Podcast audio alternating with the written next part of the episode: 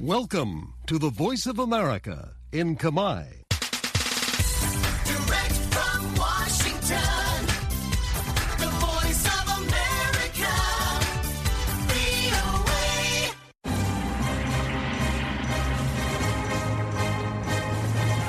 សួស្តីប្រិយមិត្តអ្នកស្ដាប់ជាទីមេត្រី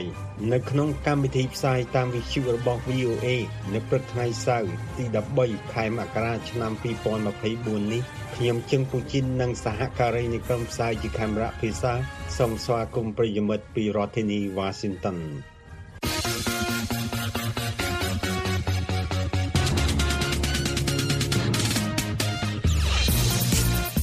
នៅក្នុងការផ្សាយរបស់ VOA នៅវេលាព្រឹកនេះយើងខ្ញុំមានសេចក្តីរាយការណ៍អំពីការបោះឆ្នោតពេលខាងមុខនៅប៉ាគីស្ថានស្ថិតក្រោមការពិនិត្យវិច័យនៅពេលមានការចោទប្រកាន់ពីការលួចបន្លំមុនការបោះឆ្នោតអ្នករត់រមាក់និងតាក់ស៊ីនៅតែមិនពេញចិត្តចំពោះការបន្ថយតម្លៃចេញចូលពលានយន្តហោះខេត្តសៀមរាប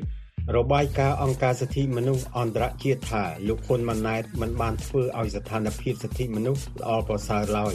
អភិបាលក្រុងកែបត្រូវខាត់ខ្លួនហើយសំណុំរឿងនឹងបញ្ជូនទៅតុលាការហើយនឹងសេចក្តីរាយការណ៍អំពីការបោះឆ្នោតនៅកោះតៃវ៉ាន់នាំឲ្យមានទស្សនៈផ្សេងគ្នាអំពីវិធីតទល់ជាមួយចិន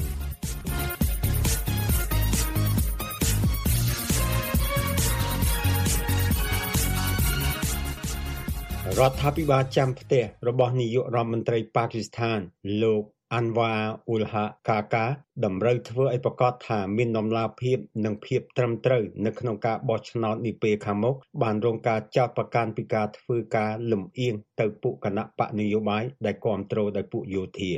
លោកអៃយ៉ាស់ហ្គុលរាយការណ៍អំពីរឿងនេះពីទីក្រុងអ៊ីស្លាមាបាតនៃប្រទេសប៉ាគីស្ថានហើយខ្ញុំជឹងពូជីនជួនសេចក្តីប្រែសម្រួលដោយតទៅ ក្រុមអង្គការសិទ្ធិមនុស្សនិងពួកអ្នកឃ្លាំមើលការបោះឆ្នោតឯករាជ្យនៅក្នុងប្រទេសប៉ាគីស្ថាន បានសម្ដែងការមន្ទិលសង្ស័យកាលពីថ្ងៃច័ន្ទទី1ខែមករានេះពីសុចរិតភាពនិងភាពដែលអាចជាទុកចិត្តបាននៃការបោះឆ្នោតសភា នៅថ្ងៃទី8ខែកុម្ភៈខាងមុខ ដោយសម្ដៅការបង្ក្រាបរបស់រដ្ឋាភិបាលដែលគ្រប់គ្រងដោយពួកយោធាលើគណៈបកនយោបាយដ៏សំខាន់មួយហើយបានបង្កើនការត្រួតពិនិត្យមុនការផ្សាយរបស់បណ្ដាញផ្សាយព័ត៌មានតាមការស្ទង់មតិមួយបានប្រាប់ឲ្យដឹងថាការបង្ក្រាបនោះគឺដៅលើអតីតនាយករដ្ឋមន្ត្រីអ៊ីមរ៉ាន់ខាន់នៃគណៈបក Tehreek-e-Insaf ឬ PTI ដែលត្រូវបានគេចាត់ទុកថាជាគណៈបកនយោបាយដ៏ធំបង្អស់មួយរបស់ប៉ាគីស្ថាន អ្នកស្រី Muniza Jahangi ជាសហប្រធាននៃគណៈកម្មាធិការសិទ្ធិមនុស្សឯករាជ្យរបស់ប៉ាគីស្ថាន បានប្រាប់សន្និសីទកាសែតមួយនៅក្នុងរដ្ឋធានីអ៊ីស្លាមាបាតថាមកដល់ពេលនេះមានភស្តុតាងតិចតួចបង្ហាញថាការបោះឆ្នោតនៅពេលខាងមុខនឹងមានភាពសេរីយុត្តិធម៌និងគួរឲ្យទុកចិត្តបានលោកស្រីបានថ្លែងនៅខណៈដែលនិយាយសម្ដៅដល់អ្វីដែលលោកស្រីបានចាត់ទុកថាជាការបង្ក្រាបខុសច្បាប់លើគណៈបក PTI នោះថា មុនគេបង្អស់គឺបំភ្លៃទស្សនវិជ្ជានៃការបោះឆ្នោតឥតលាក់លៀមដែលគណៈបកនយោបាយមួយក្នុងចំណោមគណៈបកនយោបាយនានាដែលត្រូវបានគេចុចយកមកសម្រាប់ការបំបែកជាប្រព័ន្ធនេះរដ្ឋាភិបាលចាំផ្ទះរបស់នាយករដ្ឋមន្ត្រី អាន់វ៉ាអ៊ូលហាកាកាតម្រូវធ្វើឲ្យប្រកាសថា មានដំណាភាពនិងភាពត្រឹមត្រូវនៅក្នុងការបោះឆ្នោតនាពេលខាងមុខនេះ បានរងការចោទប្រកាន់ពីការធ្វើការគាំទ្រគណៈបកនានាដែលនិយមពួកយោធា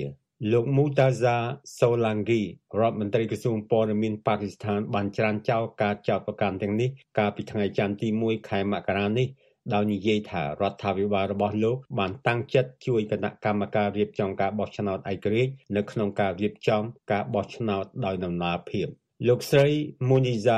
Muniza ចាហាំងហ្គី បានសង្កត់ថាគណៈបកនយោបាយជាច្រើនក៏រងយុទ្ធវិធីផ្សេងផ្សេងស្រដៀងគ្នា ហើយការបង្ក្រាបលើគណៈបកប្រឆាំងបានបន្តរដ្ឋបတ်លើសេរីភាពស៊ីវិលនៅក្នុងប្រទេសប៉ាគីស្ថាននៅពេលដែលប្រជាពលរដ្ឋត្រូវការសម្ដែងទស្សនៈរបស់ពួកគេមុនការបោះឆ្នោតដោយសេរីបណ្ដាញព័ត៌មានដែលរៀបចំចាត់ចែងដោយរដ្ឋបានដកស្រង់សម្ដីលោក Solangi មកចុះផ្សាយថារដ្ឋាភិបាលមិនមានអ្វីទាក់ទិននឹងការសុកចិត្តទទួលយកឬបដិសេធនៃបញ្ជីនៃការតែងតាំងរបស់ពួកបេក្ខជនគណៈបក PTI នោះទេដោយបានដំណើរការស្របទៅតាមរដ្ឋធម្មនុញ្ញលោក Michael Kugelman ជានាយកនៃវិទ្យាស្ថានអាស៊ីខាងត្បូងនៃមជ្ឈមណ្ឌល Wilson ក្នុងរដ្ឋធានី Washington បានព្រមានពីការបំបត្តិឬដាក់កម្រិតការចូលរួមរបស់គណៈបក PTI នៅក្នុងការបោះឆ្នោតនោះដោយនិយាយថាការនេះនឹងមិននាំឲ្យមានស្ថិរភាពនយោបាយនៅក្នុងប្រទេសប៉ាគីស្ថានទេ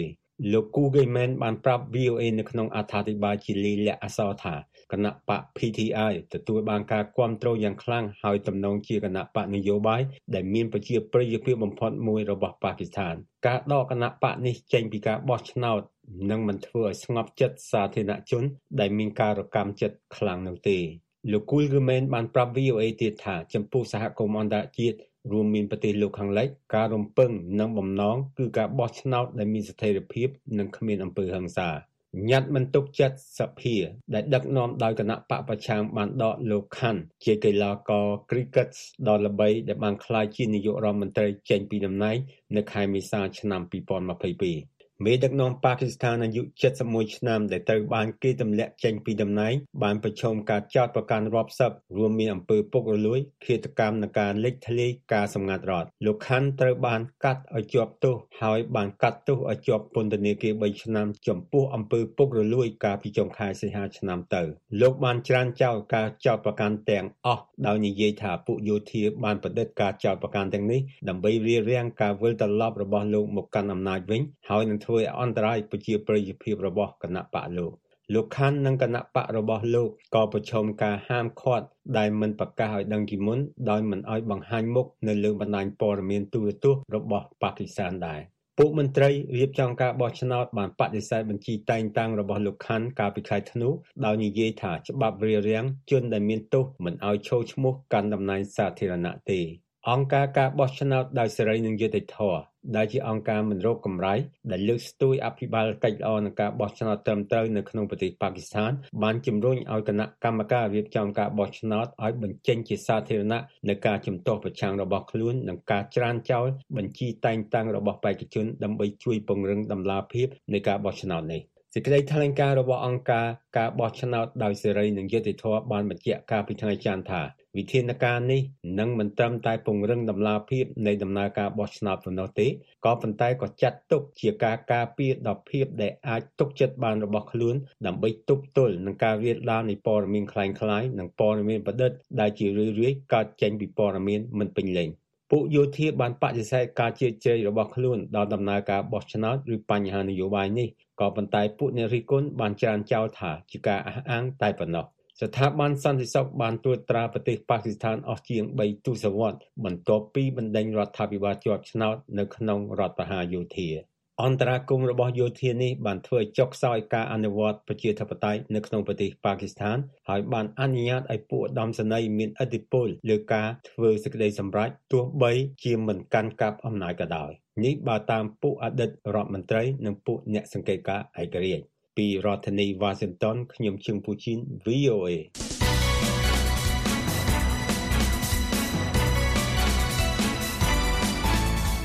ប្រិយមិត្ត VOA ជាទីមេត្រី VOA ខេមរៈភាសាទើបបានបង្កើតទំព័ររបស់ខ្លួននៅលើបណ្ដាញសង្គម Telegram ដែលនាំមកជូនលោកអ្នកនៅព័ត៌មានសំខាន់ៗនិងថ្មីៗបំផុត អំពីប្រទេសកម្ពុជា អំពីសហរដ្ឋអាមេរិក និងព័ត៌មានអន្តរជាតិនានាក្នុងពិភពលោកសូមលោកអ្នកចូលទៅកាន់អាស័យដ្ឋាន t.me/voa ខ្មែររួចចុចពាក្យ join សូមអរគុណ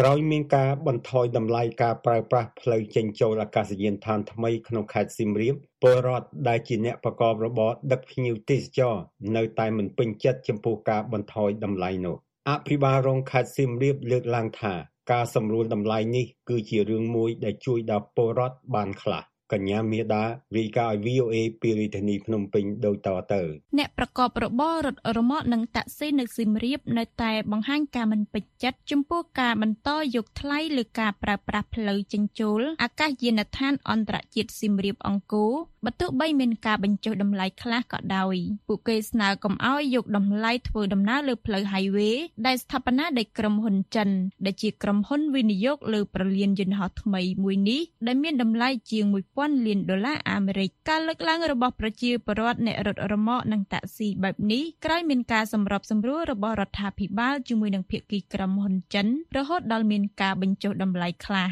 សេចក្តីប្រកាសព្រមានរបស់អ្នកនាំពាក្យរដ្ឋាភិបាលបានចេញផ្សាយកាលពីថ្ងៃប្រហ័សឲ្យដឹងថាបន្ទាប់ពីចុះទៅពិនិត្យស្ថានភាពនិងទីតាំងជាក់ស្ដែងនិងប្រជុំជាមួយនឹងក្រុមហ៊ុនវិនិយោគក្រុមហ៊ុនបានសម្រេចមិនយកថ្លៃចំណតសម្រាប់ការជួលទៅប្រលានយន្តហោះក្រោមរយៈពេល15នាទីសម្រាប់រថយន្តធុនតូចមិនលើសពី7កៅអីនិងរយៈពេល30នាទីសម្រាប់ប្រភេទរថយន្តផ្សេងទៀត។ ចំណែកតម្លៃឆ្លងកាត់ផ្លូវ highway ចូលទៅប្រលានយន្តហោះវិញ មានការបញ្ចុះតម្លៃពី3ដុល្លារមកត្រឹម2ដុល្លារ សម្រាប់រថយន្តធុនតូចមិនលើសពី7កៅអីដែលជារថយន្តប្រភេទ A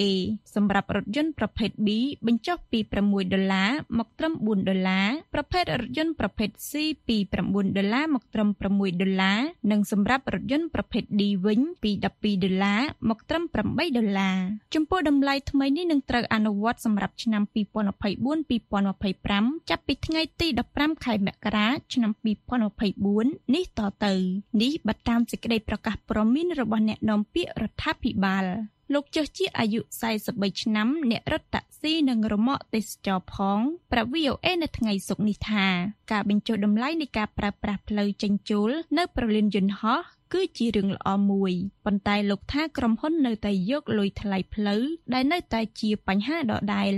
លោកបន្ថែមថាដំណោះស្រាយដែលលោកចង់បាននោះគឺប្រសិនបើក្រុមហ៊ុនយកតែ2ដុល្លារសម្រាប់ការចេញចូលដោយមិនគិតពីរយៈពេលនោះនោះគឺជាដំណោះស្រាយដែលសមស្របអ្នករត់ Pass App ម្នាក់ទៀតលោកអៀងចម្រើន អាយុ40ឆ្នាំរស់នៅភូមិស្វាយដង្គមសង្កាត់ស្វាយដង្គមខេត្តសៀមរាបប្រាប់ VOA ថាបើទោះបីមានការដោះស្រាយបន្ធូរតម្លៃនិងរយៈពេលជូនប្រជាពលរដ្ឋក៏ពិតមែនតែលោកថាតម្លៃនេះនៅតែថ្លៃនៅឡើយសម្រាប់រុកលោកដែលជាអ្នករត់ Pass App សម្រាប់ឡានគឺអត់អីទេសម្រាប់កង់3នៅតែថ្លៃចឹង លោកលីសម្រិទ្ធអភិបាលរងនិងជាអ្នកនាំពាក្យសាលាខេត្តសៀមរាបប្រាប់ VOA នៅថ្ងៃសុក្រនេះថាការជួយសម្រួលរបស់រដ្ឋាភិបាលជាមួយនឹងភាគីក្រុមហ៊ុនឲ្យមានការបញ្ចុះតម្លៃការចិញ្ចោលនៅប្រលានយន្តហោះថ្មីនេះគឺជារឿងមួយដែលជួយសម្រួលបានខ្លះដល់បងប្អូនប្រជាពលរដ្ឋគម្រោងនេះជាគម្រោងវិនិយោគ អញ្ចឹងទោះបីយ៉ាងម៉េចក៏ដោយក៏ត្រូវការមានតម្លៃតបទៅវិញចំពោះអ្នកដែលបានយកទុនជាយកទុនយកមូលនិធិយកតាវិការដើម្បីយកមករកស៊ីណា គូបញ្ជាក់ថាអាកាសយានដ្ឋានថ្មីក្នុងខេត្តសៀមរាបដែលមានតម្លៃប្រមាណ1100លានដុល្លារអាមេរិកក្រោមគម្រោងក្រវ៉ាត់ផ្លូវពាណិជ្ជកម្មរបស់ចិនឬ BRI ត្រូវបានដាក់សម្ពោធឲ្យប្រើប្រាស់ជាផ្លូវការកាលពីខែវិច្ឆិកាឆ្នាំ2023ប្រលានយន្តហោះនេះត្រូវបានវិនិយោគក្នុងទម្រង់សាងសង់ប្រតិបត្តិការផ្ទេរឬ BOT ដោយក្រុមហ៊ុនចិន ដែលមានន័យថាប្រលានយន្តហោះនេះនឹងត្រូវផ្ទេរមករដ្ឋាភិបាលកម្ពុជាគ្រប់គ្រងវិញក្នុងឆ្នាំ2000 2073ក្រោយការសាងសង់រយៈពេលប្រមាណ5ឆ្នាំ និងប្រតិបត្តិការរយៈពេល50ឆ្នាំរាយការណ៍ពីរាជធានីភ្នំពេញ នាងខ្ញុំមាសដា VOA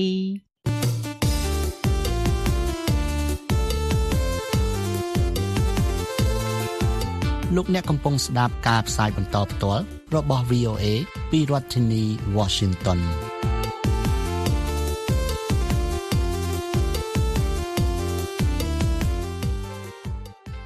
អង្គការសិទ្ធិមនុស្ស Human Rights Watch បានចេញផ្សាយរបាយការណ៍មួយនៅថ្ងៃសុក្រដោយលើកឡើងថាការបង្ក្រាបរបស់រដ្ឋាភិបាលកម្ពុជា ទៅលើគណៈបកប្រឆាំងប្រព័ន្ធផ្សព្វផ្សាយឯករាជ្យសកម្មជនដីធ្លីមេដឹកនាំសង្គមស៊ីវិលមេដឹកនាំសហជីពនៅតែមាន ហើយស្ថានភាពនៃការគោរពសិទ្ធិមនុស្សនៅកម្ពុជាកាន់តែមានភាពយ៉ាប់យ៉ឺនបន្ថែមទៀតក្នុងឆ្នាំ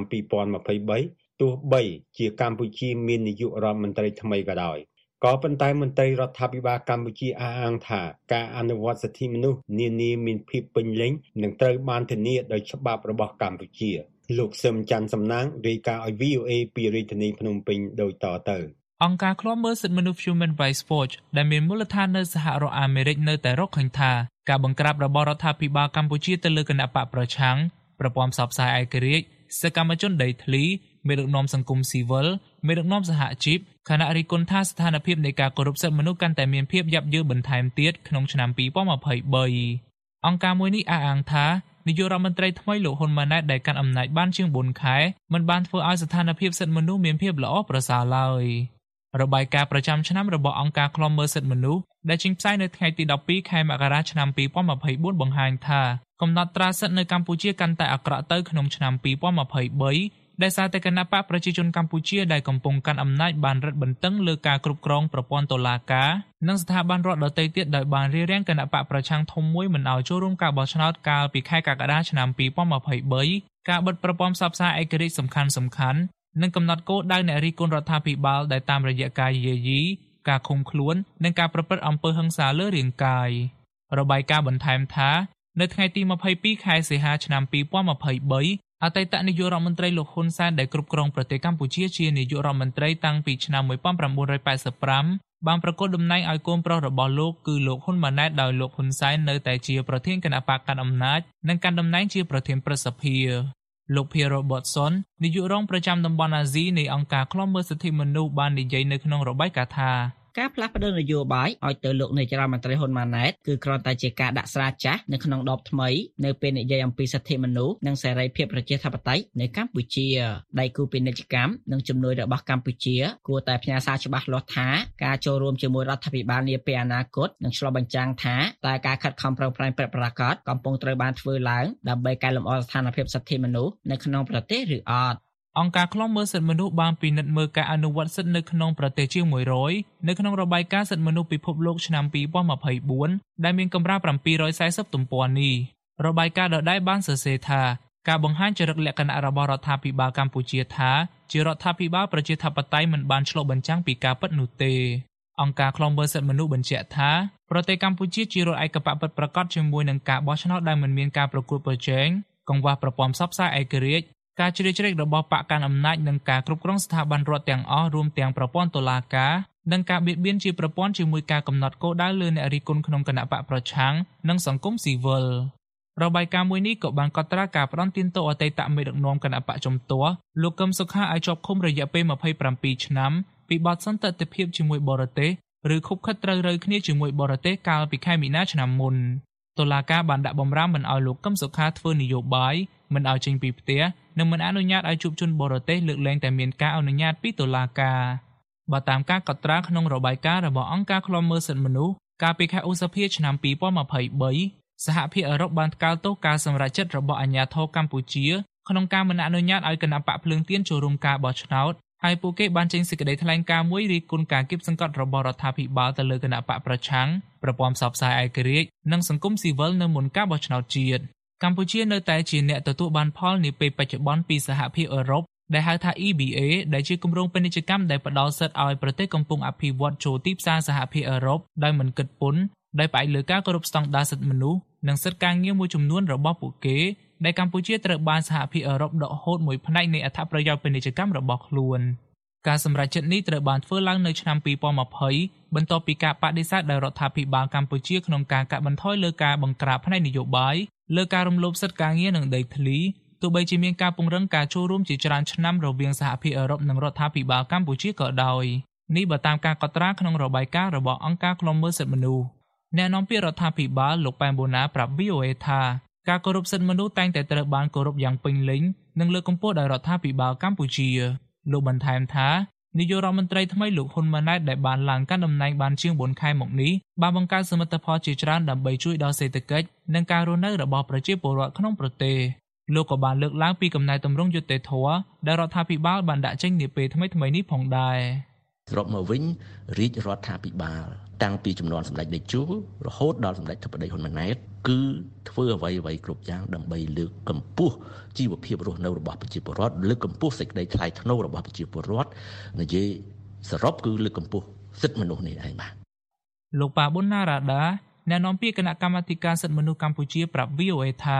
គណៈកម្មាធិការសិទ្ធិមនុស្សបានចេញរបាយការណ៍ដែលបង្ហាញពីការគោរពសិទ្ធិមនុស្សនៅកម្ពុជា ហើយថាសិទ្ធិមនុស្សនិងលទ្ធិប្រជាធិបតេយ្យត្រូវបានអនុវត្តយ៉ាងពេញលេញនិងធានាដោយច្បាប់យើងបានឃើញថាសិទ្ធិមនុស្សត្រូវបានទទួលស្គាល់ដោយរដ្ឋធម្មនុញ្ញដែលជាច្បាប់កម្ពុជារបស់រដ្ឋគឺមួយចំពុកពេញតែម្ដងមានសិទ្ធិគ្រប់ជាពិសេសគឺយើងមិនមានទោសប្រហារជីវិតទេ ដែលនេះគឺជាការធានាបាន នៅសិទ្ធិរស់រានមានជីវិតមួយដ៏សំខាន់បើយើងគ្មានសិទ្ធិរស់រានមានជីវិតផងតើយើងទៅនិយាយពីសិទ្ធិផ្សេងបានទៀត កាលពីថ្ងៃទី13ខែធ្នូឆ្នាំ2023អង្គការថ្នាក់តំបន់ដែលធ្វើការលើការគោរពសិទ្ធិមនុស្សនិងលទ្ធិប្រជាធិបតេយ្យរួមមានសមាជិកសភាអាស៊ានដើម្បីសិទ្ធិមនុស្ស APHR បណ្ដាញប្រជាធិបតេយ្យអាស៊ី ADN វេទិកាអាស៊ីសម្រាប់ការអភិវឌ្ឍសិទ្ធិមនុស្ស Forum Asia បណ្ដាញអាស៊ីសម្រាប់ការបោះឆ្នោតដោយសេរី Angfrel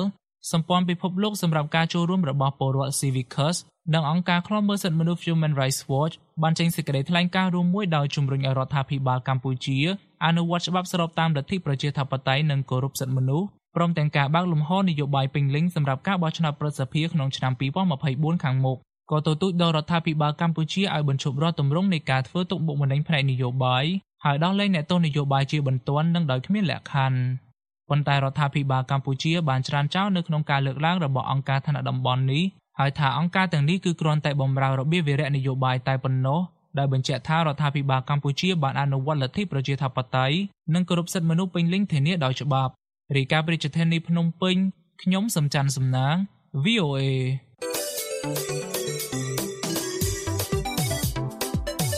អស់លោកអ្នកកំពុងតែស្ដាប់ការផ្សាយបន្តផ្ទាល់របស់ VOA សម្លេងសហរដ្ឋអាមេរិកពីរដ្ឋធានី Washington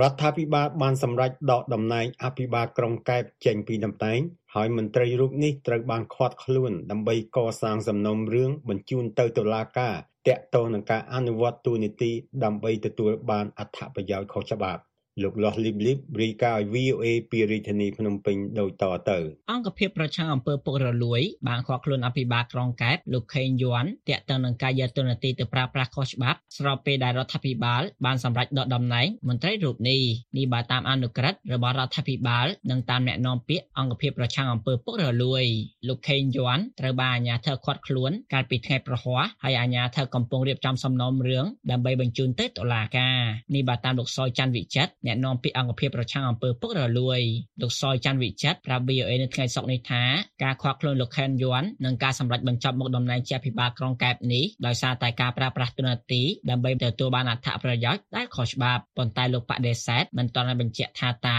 អភិបាលក្រុងកែបរូបនោះបានប្រព្រឹត្តកំហុសលើបញ្ហាអ្វីឡើយខណៈអង្គភាពប្រឆាំងអំពើពុករលួយរបស់លោកកំពុងរៀបចំសំណុំរឿងនេះបញ្ជូនទៅតុលាការបាទអឺដោយសារតែឥឡូវនេះក្នុងដំណាក់កាលដែលយើងរៀបចំសំណុំរឿងបាទខ្ញុំអាចជំរាបត្រឹមថាការគាត់ខ្លួនគាត់នេះគឺដោយសារតែគាត់ក្នុងនាមជាអភិបាលក្រុងបាទគាត់ប្រើប្រាស់នៅទូនាទីរបស់គាត់ហ្នឹងគឺដើម្បីទទួលបានអត្ថប្រយោជន៍ដោយខុសច្បាប់នៅថ្ងៃសុក្រនេះលោកនាយរដ្ឋមន្ត្រីហ៊ុនម៉ាណែតបានចេញអនុក្រឹត្យបញ្ចប់មុខតំណែងរបស់លោកខេងយួនពីអភិបាលនៃគណៈអភិបាលក្រុងកែបនិងភ្ជាប់ជាមួយការសរសេរនៅលើ Facebook របស់លោកថាថ្ងៃនេះខ្ញុំមានការចាំបាច់ត្រូវអនុវត្តអភិក្រមទី5គឺការវះកាត់តាមរយៈការចុះហត្ថលេខាដើម្បីបញ្ចប់មុខតំណែងរបស់អភិបាលក្រុងកែបដែលបានប្រើប្រាស់អំណាចនៃទូនាទីរបស់ខ្លួនប្រព្រឹត្តអំពើដែលនាំឲ្យប៉ះពាល់ដល់ផលប្រយោជន៍រដ្ឋនិងផលប្រយោជន៍របស់ប្រជាពលរដ្ឋជាច្រើនការសម្រេចចិត្តនេះគឺផ្អែកទៅលើមូលដ្ឋានច្បាស់លាស់នៃការស៊ើបអង្កេតរបស់អង្គភាពប្រឆាំងអំពើពុករលួយលោកប៊ុនយងអ្នកនាំពាក្យរដ្ឋបាលខេត្តកែបប្រាប់ VOA ថាលោកមិនទាន់ដឹងថាតើអភិបាលក្រុងកែបលោកខេងយួននោះប្រព្រឹត្តកំហុសអ្វីឡើយខាងខេត្តរដ្ឋបាលខេត្តអត់បានទាន់ដឹងពីមូលហេតុច្បាស់លាស់ទេលោកពេជ្រពិសីនាយកប្រតិបត្តិនៃអង្គការដំឡាភិបកម្ពុជាប្រាប់ VOA ថាលោកគាំទ្រចំណាត់ការរបស់រដ្ឋាភិបាលនិងអង្គភាពប្រឆាំងអំពើពុករលួយចំពោះការបោះសម្អាតមន្ត្រីពុករលួយលោកបន្តថាដើម្បីបោះសម្អាតមន្ត្រីពុករលួយលោកជំរុញឲ្យរដ្ឋាភិបាលគួរពិនិត្យមើលលើការអនុវត្តច្បាប់តាមក្រសួងទូនាទីរបស់មន្ត្រីដែលមានចែងតាមមុខជំនាញដែលគួរអនុវត្តឲ្យបានត្រឹមត្រូវលោកបន្ថែមថាប្រសិនបើមានភាពមិនប្រក្រតីការកេងប្រវ័ញ្ចឬការប្រព្រឹត្តអំពើពុករលួយអាជ្ញាធរគួរតែយកច្បាប់អំពើពុករលួយមកអនុវត្តបើសិនជាយើងអាចជំរុញការអនុវត្តច្បាប់ឲ្យត្រូវយើងនឹង អាចដោះស្រាយបញ្ហាបាននៅក្នុងក្របខ័ណ្ឌអនុវត្តការងាររបស់ក្រសួងនឹងបាទសំខាន់យើងយើងឃើញថាមានកម្លាតរវាងការអនុវត្តច្បាប់ហើយនឹងការដាក់វិន័យជាធម្មតាបាទទោះបីជាមន្ត្រីនឹងត្រូវបានសង្ស័យថាមានជាប់ពាក់ព័ន្ធនឹងការកេងប្រវ័ញ្ចការប្រព្រឹត្តអំពើពុករលួយក៏ប៉ុន្តែជាទូទៅគឺទៅជាមានការដាក់វិន័យរដ្ឋបាលទៅវិញជាជាងការអនុវត្តច្បាប់ដែលមានជាធរមាននឹងគួរបញ្ជាក់ថាមុនឈានដល់ការបញ្ចប់តំណែងនិងខកខ្លួនជាផ្លូវការដើម្បីបញ្ជូនសំណុំរឿងទៅតុលាការលោកខេងយួននិងនាយករដ្ឋបាលសាលាក្រុងកែបមួយរូបទៀតត្រូវបានអង្គភាពប្រឆាំងអំពើពុករលួយឃាត់ខ្លួនកាលពីថ្ងៃទី2ខែមករាឆ្នាំ2024ប៉ុន្តែត្រូវបានដោះលែងវិញលោកសុយច័ន្ទវិចិត្រអ្នកនាំពាក្យអង្គភាពប្រជាអំពើពុករលួយបកស្រាយការនោះថាវាមិនមែនជាការខាត់ខ្លួនឡើយហើយវាគ្រាន់តែជាការហៅសួរនាំនិងស៊ើបអង្កេតតែប៉ុណ្ណោះលោកប្រាប់ VOA នៅថ្ងៃសុក្រនេះថាចំពោះនាយករដ្ឋបាលសាលាក្រុងកែបមួយរូបទៀតនោះមិនមានការខកខ្លួនអ្វីឡើយនាពេលនេះប៉ុន្តែអង្គភាពប្រជាអំពើពុករលួយកំពុងតែស៊ើបអង្កេតបន្តទៀតរាយការណ៍ពីរាជធានីភ្នំពេញខ្ញុំលាស់លេបលេប VOA អស់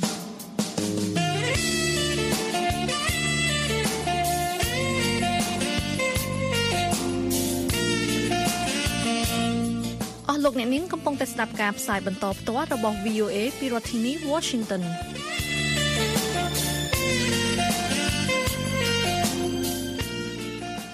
នៅថ្ងៃសៅរ៍សប្តាហ៍នេះ កោះតៃវ៉ាន់នឹងបោះឆ្នោតជ្រើសរើសប្រធានាធិបតីនិងសភាថ្មី ការបោះឆ្នោតនេះនឹងជួយកំណត់ចំណងទាក់ទងរបស់តៃវ៉ាន់ជាមួយចិនដីគោកដែលគម្រាមកំហែងត្រួតត្រាកោះគ្រប់គ្រងតាមបែបប្រជាធិបតេយ្យដ៏តូចមួយនេះលោក Bill Gallo នៃ VOA រាយការណ៍រឿងនេះពីទីក្រុងតៃប៉េកោះតៃវ៉ាន់ថា ការបោះឆ្នោតនេះក៏មានការតាក់ទិនដ៏សំខាន់ដល់សកលលោកផងដែរហើយខ្ញុំជឹងពូជីនជួនសេចក្តីប្រាយសម្រួលដូចតទៅ ប្រជាធិបតេយ្យដំណើរការនៅពេលដែលតៃវ៉ាន់ចូលដំណាក់កាលផ្ដាច់ព្រាត់នៃការបោះឆ្នោតសកល សំណួរថាតើត្រូវការពីការបោះឆ្នោតនោះយ៉ាងណា នៅពេលមានការគម្រាមកំហែងពីចិនដែលចាត់ទុកតៃវ៉ាន់ជារបស់ខ្លួន នៅអយុធនាការឃោសនាបោះឆ្នោតរបស់បកកណ្ដាលអំណាចប្រជាធិបតេយ្យចម្រើននិយម ដំណោះស្រាយគឺបន្តការពីអធិបតេយ្យភាពតៃវ៉ាន់ លោក William Lai ជាបេក្ខជនប្រធានាធិបតីគណៈបកប្រជាធិបតេយ្យចម្រើននិយមលោកថា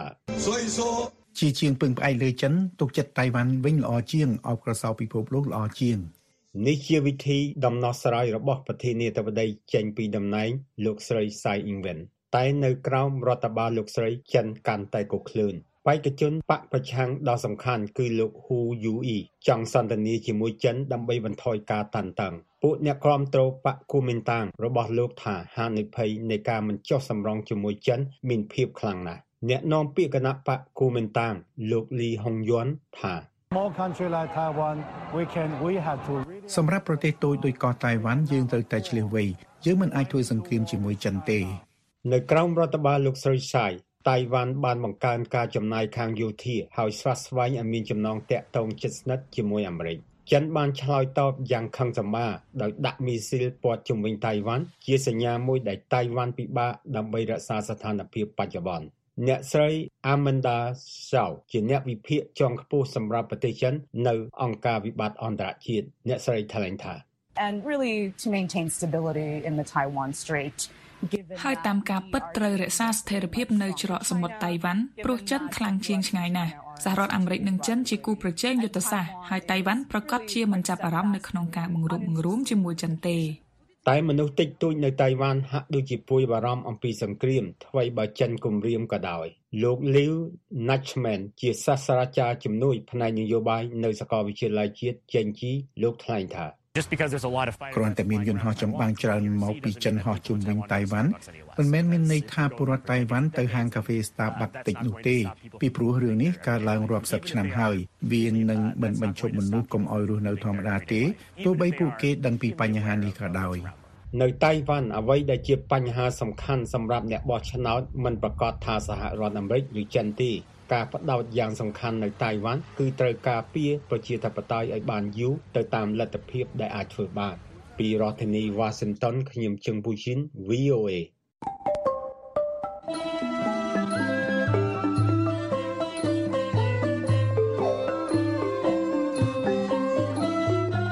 កម្មវិធីផ្សាយរបស់ VOA នៅព្រឹកនេះចប់តែត្រឹមនេះសូមអរលោកអ្នករងចាំស្ដាប់ សេចក្តីរាយការណ៍ព័ត៌មានជាតិនិងអន្តរជាតិរបស់ VOA នៅក្នុងការផ្សាយបន្តផ្ទាល់របស់យើងខ្ញុំនៅរាត្រីនេះទៀតពីម៉ោង8:30នាទីដល់ម៉ោង9:30នាទីតាមរលកវិទ្យុ 25m ត្រូវនឹងកម្រិត11695និង1575 kHz ឬតាមប្រព័ន្ធអ៊ីនធឺណិតដែលមានអាសយដ្ឋានខ្មែរ .voenews.com សូមអរលោកអ្នកបានប្រកបដោយសេចក្តីសុខនិងសុភមង្គលគ្រប់ប្រការ អារុនសុស្ដី